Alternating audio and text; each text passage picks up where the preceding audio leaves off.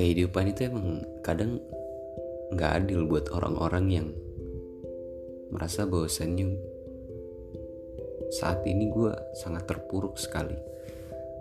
Ketika gue jatuh ketika gue lemah melihat orang lain bahagia dunia nggak adil banget buat gue anjing.